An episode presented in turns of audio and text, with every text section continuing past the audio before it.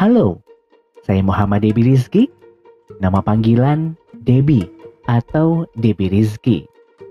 Saya anak kelima dari lima bersaudara. Dan saya asli dari Jawa Barat, Indonesia. Tepatnya di Padalarang, Kabupaten Bandung Barat.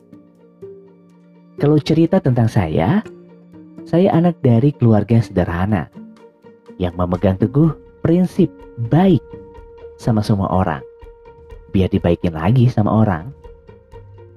2014 pernah mengikuti ajang pageant di Kabupaten Bandung Barat.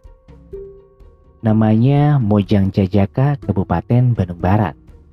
Alhamdulillah lolos dan menjadi bagian keluarga Moka KBB 2014.